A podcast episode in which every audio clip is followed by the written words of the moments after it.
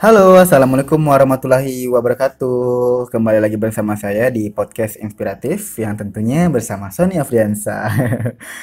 nah, um, episode kali ini kita akan sedikit membahas tentang otak kanan, gengs. Tapi bukan uh, saya mau ngajarin tentang bagaimana cara mem memaksimalkan mem memaksimalkan otak kanan kita atau semacam uh, orang psikolog seperti uh, berbicara sebagaimana eh, dia berbicara asik.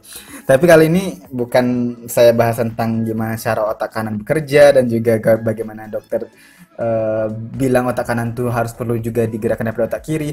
Bukan itu, gengs. Tapi hal-hal yang berkaitan dengan otak kanan, misalnya ini adalah salah satu uh, imajinatif kita dari imajinatif kita. Nah, lebih tepatnya, lebih kerucutnya lagi, saya nggak mau ber berkiasan lagi, itu membahas tentang konten kreatif. Wah, ngomong-ngomong tentang bikin konten kreatif ini kan uh, banyak hal ya, ada macam-macam gitu. Apalagi sekarang udah di era millennials kan, di era-era yang sekarang itu pada main TikTok asik, pada bawa nih keluar. Dan pada era-era yang menurut kita itu konten kreatif adalah merajai sekarang di zaman-zaman era milenial. Siapa sih nggak tahu yang namanya artis-artis konten kreatif seperti Ria Ricci, seperti yang namanya Atta Halilintar gitu kan. Ada juga yang emang artis yang juga ngetop-ngetopnya zaman sekarang tuh udah banyak banget malahan. Kita bahkan aku sendiri pun nggak ngikutin perkembangan itu tapi lama kelamaan wah konten kreatif ini kayak jadi pengaruh besar nih buat kita gitu kan. Khususnya generasi milenial karena tiap hari itu kita eh, nggak uh, mesti harus uh, ditutup-tutupin sih. Apa kan kalau misalnya orang kan bilang wah oh, generasi milenial itu generasi yang um, generasi yang sering megang HP padahal itu harus kita kurangin yuk main HP-nya gini-gini. Um, menurut saya sih ya ada kita memang harus ada batasannya juga sih geng untuk untuk um, main HP-nya gitu kan. Ada ada juga untuk kegiatan sosialnya atau uh, tidak megang gadgetnya juga ada. Tapi kan ya namanya ketika, ketika kita bersosial media gitu pasti ada aja itu yang konten-konten yang masuk gitu kan. Dan yang buat kita wah senang nih di di sosial media ada uh, videonya si dia kayak gitu yang bisa bikin undang tawa bisa bikin inspirasi bisa juga bikin kita menghibur diri kita yang dari yang galau menjadi ceria gitu kan uh, tapi ya namanya sosial media juga yang perlu dibatasin juga. Jangan terlalu ke sosial mediaan gitu sih geng. Ini saran aku aja ya. Tapi tanpa dipungkiri memang kita harus lekat sih sama sosial media. Nah sosial media yang lekat ini juga kita harus manfaatkan ke hal-hal yang positif. Salah satunya cara dengan cara bikin konten kreatif gitu ya. Oke okay, Uh, sebelum masuk ke konten kreatifnya apa, kali ini aku nggak bahas konten kreatif secara umum karena itu menurut aku sih luas banget dan juga bukan cakupan diri saya pribadi. Jadi yang sepengetahuan saya saja, kalau konten kreatif itu ada tiga macam sih. Yang pertama itu uh, konten kreatif dalam bentuk gambar, kemudian ada video, kemudian ada tulisan. Dan ada juga menurut saya sih empat sekarang ya. Aku mikirnya ada empat malah audio gitu. Jadi ada empat nih gitu kan. Kayak sekarang ini uh, podcast salah satu konten kreatif juga itu di bagian audio. Tapi kali ini apakah aku udah bahas podcast? Post, hmm, susah banget nyebutnya ya, gengs. Kayak terbelit-belit di dalam lidah gue. Apakah aku bahas podcast? Uh, kayaknya enggak, gengs. Karena podcast kemarin udah dibahas. Jadi kalau teman-teman ikutin podcast saya sebelumnya, udah dengerin juga, mungkin udah tahu tuh uh, cara bikin podcast. Kan itu adalah tema episode saya yang berapa yang aku lupa juga udah keberapa. Tapi intinya itu di bagian bawah sih geng. Jadi kalau penasaran cara bikin podcast mungkin bisa di scroll ke bawah oke? Okay? lanjut karena kita nggak bicara podcast kita juga nggak bicara gambar itu cuman pengetahuan awal teman-teman. Bahwasanya konten kreatif itu ada empat. Ada gambar ada video ada tulisan dan juga ada audio. Nah, audio ini biasanya podcast dan juga lagu, bla bla bla. Banyak sih. Kalau gambar itu bisa kita bikin komik, kita bikin uh, desain-desain grafis yang itu ternyata motivasi atau bikin lucu atau meme malahan gitu kan. Kalau video nah, itu nanti yang akan kita bahas di sini adalah video. Lebih tepatnya ke video sih. Kalau tulisan banyak banget ada bikin uh, apa ya semacam quotes, quotes ya, Indonesia banget. Quotes ya ada bikin quotes, ada macam-macam sih. Kalau tulisan tuh lebih fleksibel lagi tulisan. Nah, tapi apakah kita akan bahas tulisan? Kayaknya nggak dulu sih, gengs ya. Mungkin lain waktu kita bisa bahas konten kreatif dalam bentuk tulisan dan juga gambar atau atau uh, podcast sudah. Jadi dua ini ya, gambar atau tulisan. Tapi kayaknya kali ini aku mau bahas sedikit konten kreatif tentang yang namanya video. Siapa sih yang nggak yang nggak tahu ya uh, arti video gitu kan? Secara gamblangnya aja tuh video tuh kayak semacam uh, gambar di mana situ udah ada visualnya, ada audionya juga. Jadi kita lihat wah enak nih gitu kan.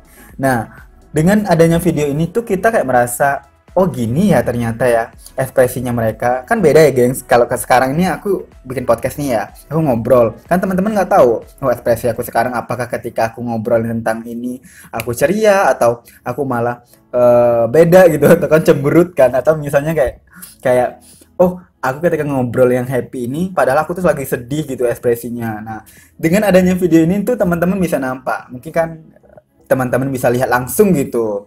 Nah seperti kita ketahui kalau misalnya kita lihat di YouTube kan di YouTube di aplikasi-aplikasi video Instagram mungkin kan Instagram atau di mana pun anda bisa mengakses video gitu itu bisa lihat kayak ekspresinya orang-orang yang melakukan itu gitu. Nah misalnya kayak orang tuh buat dub smash gitu kan ya ya atau TikTok itu tuh kayak semacam wah itu menarik banget sih gitu untuk dilihat gitu. Karena mereka ekspresif kan juga.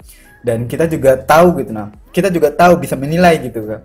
Oh gini ya ternyata mereka gitu. Jadi dengan adanya video ini tuh kita malah bisa bikin kita tuh paham terhadap video tersebut. Nah, termasuk juga kalau belajar sih, gengs. Kalau belajar itu pasti kalau misalnya ada macam-macam tipe-tipe belajar ya, teman-teman tahu juga mungkin uh, ada yang namanya orang yang audio yang mungkin cuman bisa kalau masuk itu ya pelajarannya tuh masuk itu kalau dia uh, belajar dengan audio. Jadi cuman dengerin orang ngomong gitu wah masuk nih belajarnya gitu. Tapi kalau malah lihat gambar malah susah kayak gitu. Ada juga orang yang kalau lihat gambar itu kan biasanya guru tuh di depan kelas kan presentasi tuh. Presentasi cuma nangayangin gambar-gambar aja tapi dia paham gitu. Nah ada juga terus ada juga yang audio visual kayak dengerin uh, video gitu kan. Seperti teman-teman ketahui kayak aplikasi ruang guru ya. Aplikasi ruang guru kan dia uh, menjelaskan itu lewat online. Nah, itu tuh ada tutor gurunya yang dalam bentuk uh, video. Nah, mungkin teman-teman orang-orang yang senang video itu lebih masuk belajar kalau pakai ruang guru kayak gini. Misal contohnya, example-nya gitu, gengs. Atau orang-orang lagi kayak lihat tutorial gitu di YouTube, gimana cara bikin uh, meja belajar misalnya gitu. Terus dia cari di YouTube, oh lebih paham dia dengan videonya di YouTube dibanding dia lihat di tutorial di internet langsung lewat Google, misalnya lewat tulisan gitu. Banyak hal. Jadi video ini juga bisa membantu kehidupan kita sehari-hari, gengs. Jadi makanya kalau misalnya bikin video itu penting nggak sih sebenarnya? Tergantung dari teman-teman sendiri mau mau bikin tema video yang apa gitu atau mau bikin video ini uh, semacam genrenya gimana gitu loh. Kalau misalnya bahasa filmnya ya apa genre komedi kayak atau genre gimana gitu.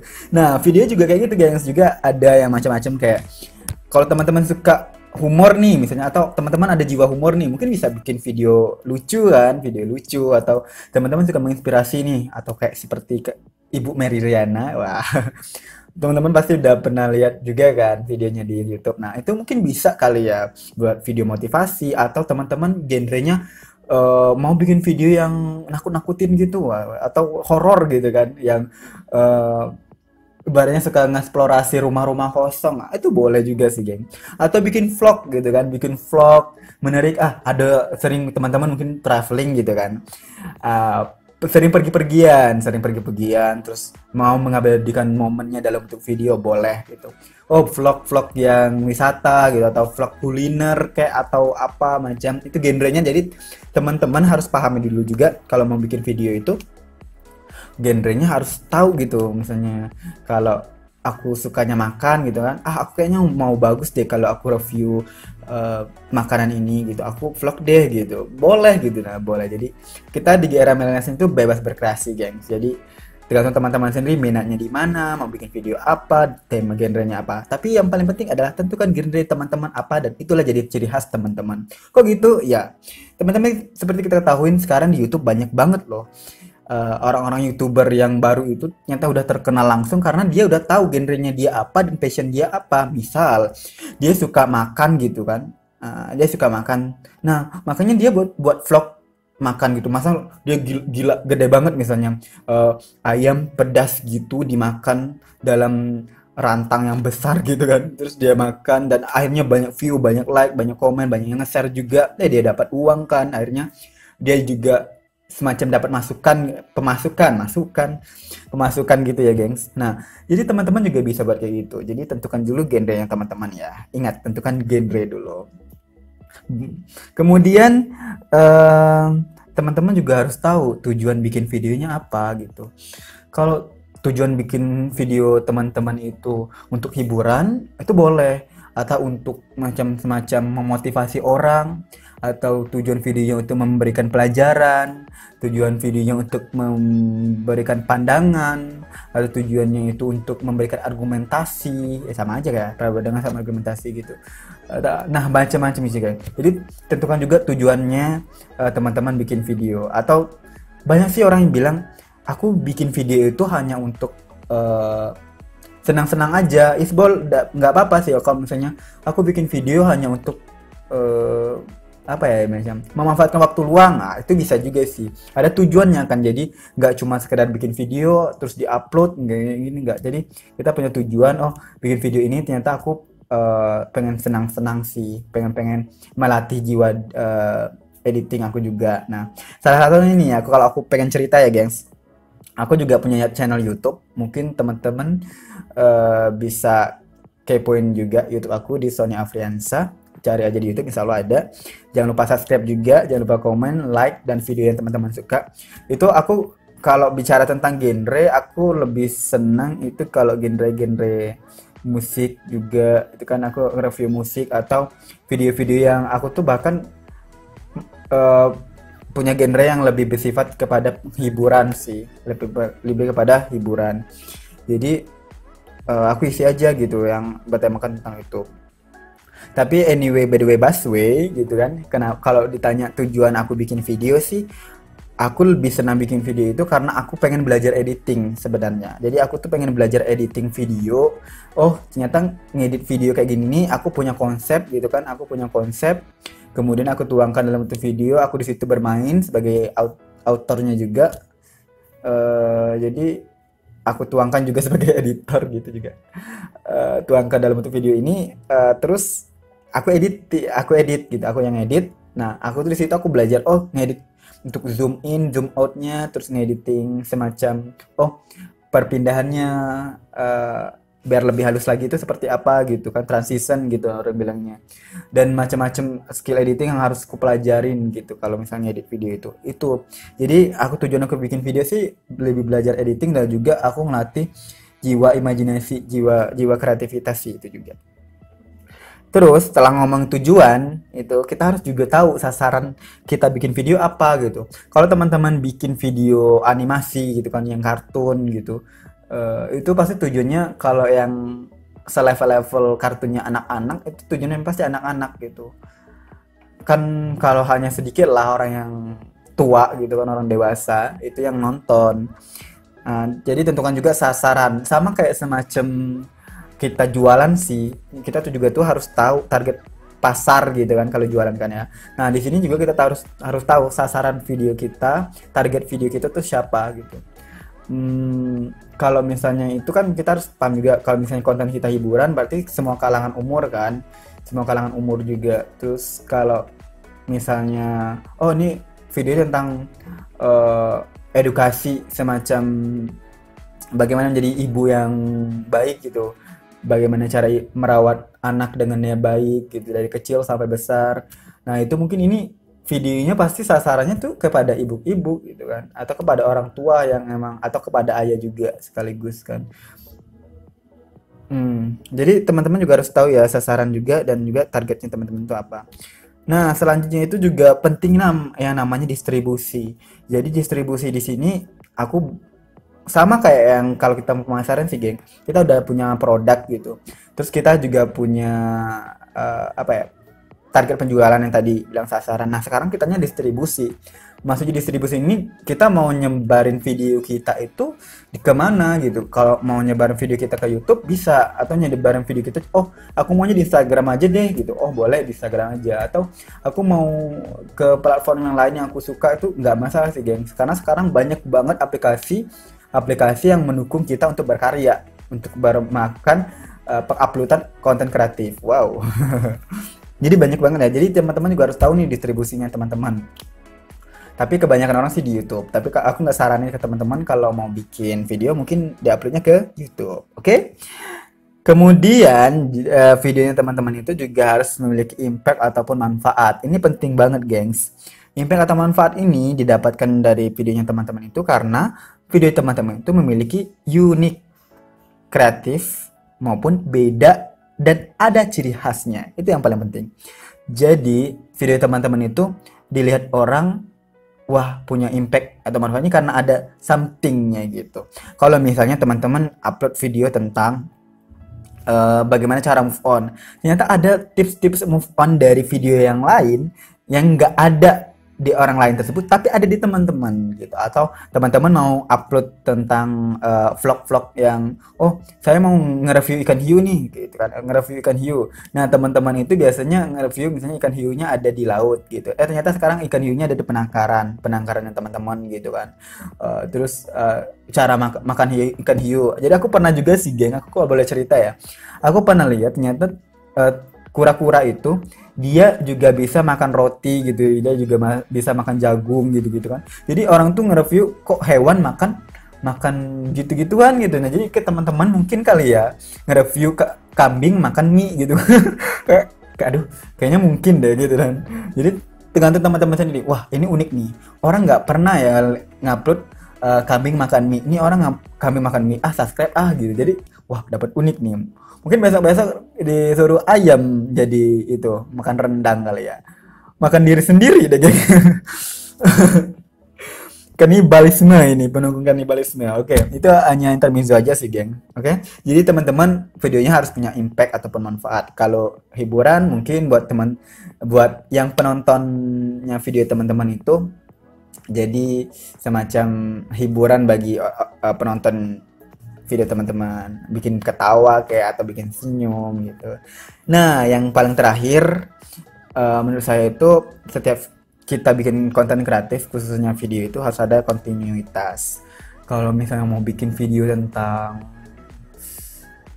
uh, genre yang kita sukain itu pasti kita pengennya pengen lagi buat ah pengen lagi buat gitu. Karena apa? Karena kita menikmati banyak orang yang bilang bahwasanya kita kerja dengan sesuai dengan passion kita dan kita digaji dengan passion kita itu itu lebih enak gitu. Nah, passion maksud saya di sini teman-teman senang bikin video gitu kan. Eh ternyata ada semacam kontrak dari perusahaan untuk teman-teman yang ngelola projectnya dia untuk bikin video misalnya komponen profilnya dari perusahaan pasti teman-teman yang senang editing video dan senang-senang bikin video itu kayak merasa wah ini jiwa gue banget gitu nah jadi tentuin uh, passion teman-teman untuk kalau suka videoin bikin video kan kalau suka bikin video itu tentuin gitu. Jadi biar enak gitu kan wah biar semangat gitu yang biar ada kontinuitas juga buat bikin video. Nah ngobrol kita sampai di sini dulu tentang cara bikin konten kreatif khususnya video.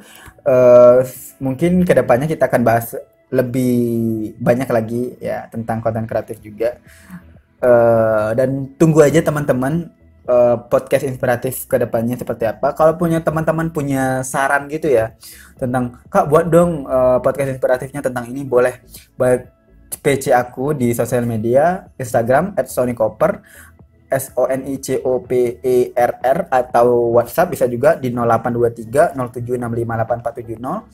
Uh, jadi teman-teman bisa request juga gitu mau bikin podcast apa tapi yang penting podcastnya itu ada unsur inspiratifnya, ada semacam edukasinya juga sih, gengs. Jadi cukup sekian dulu uh, pembicaraan kita di podcast kali ini. Semoga bermanfaat dan saya mohon maaf apabila terdapat kesalahan kata karena saya masih manusia, kebenaran hanya untuk Allah Subhanahu wa taala.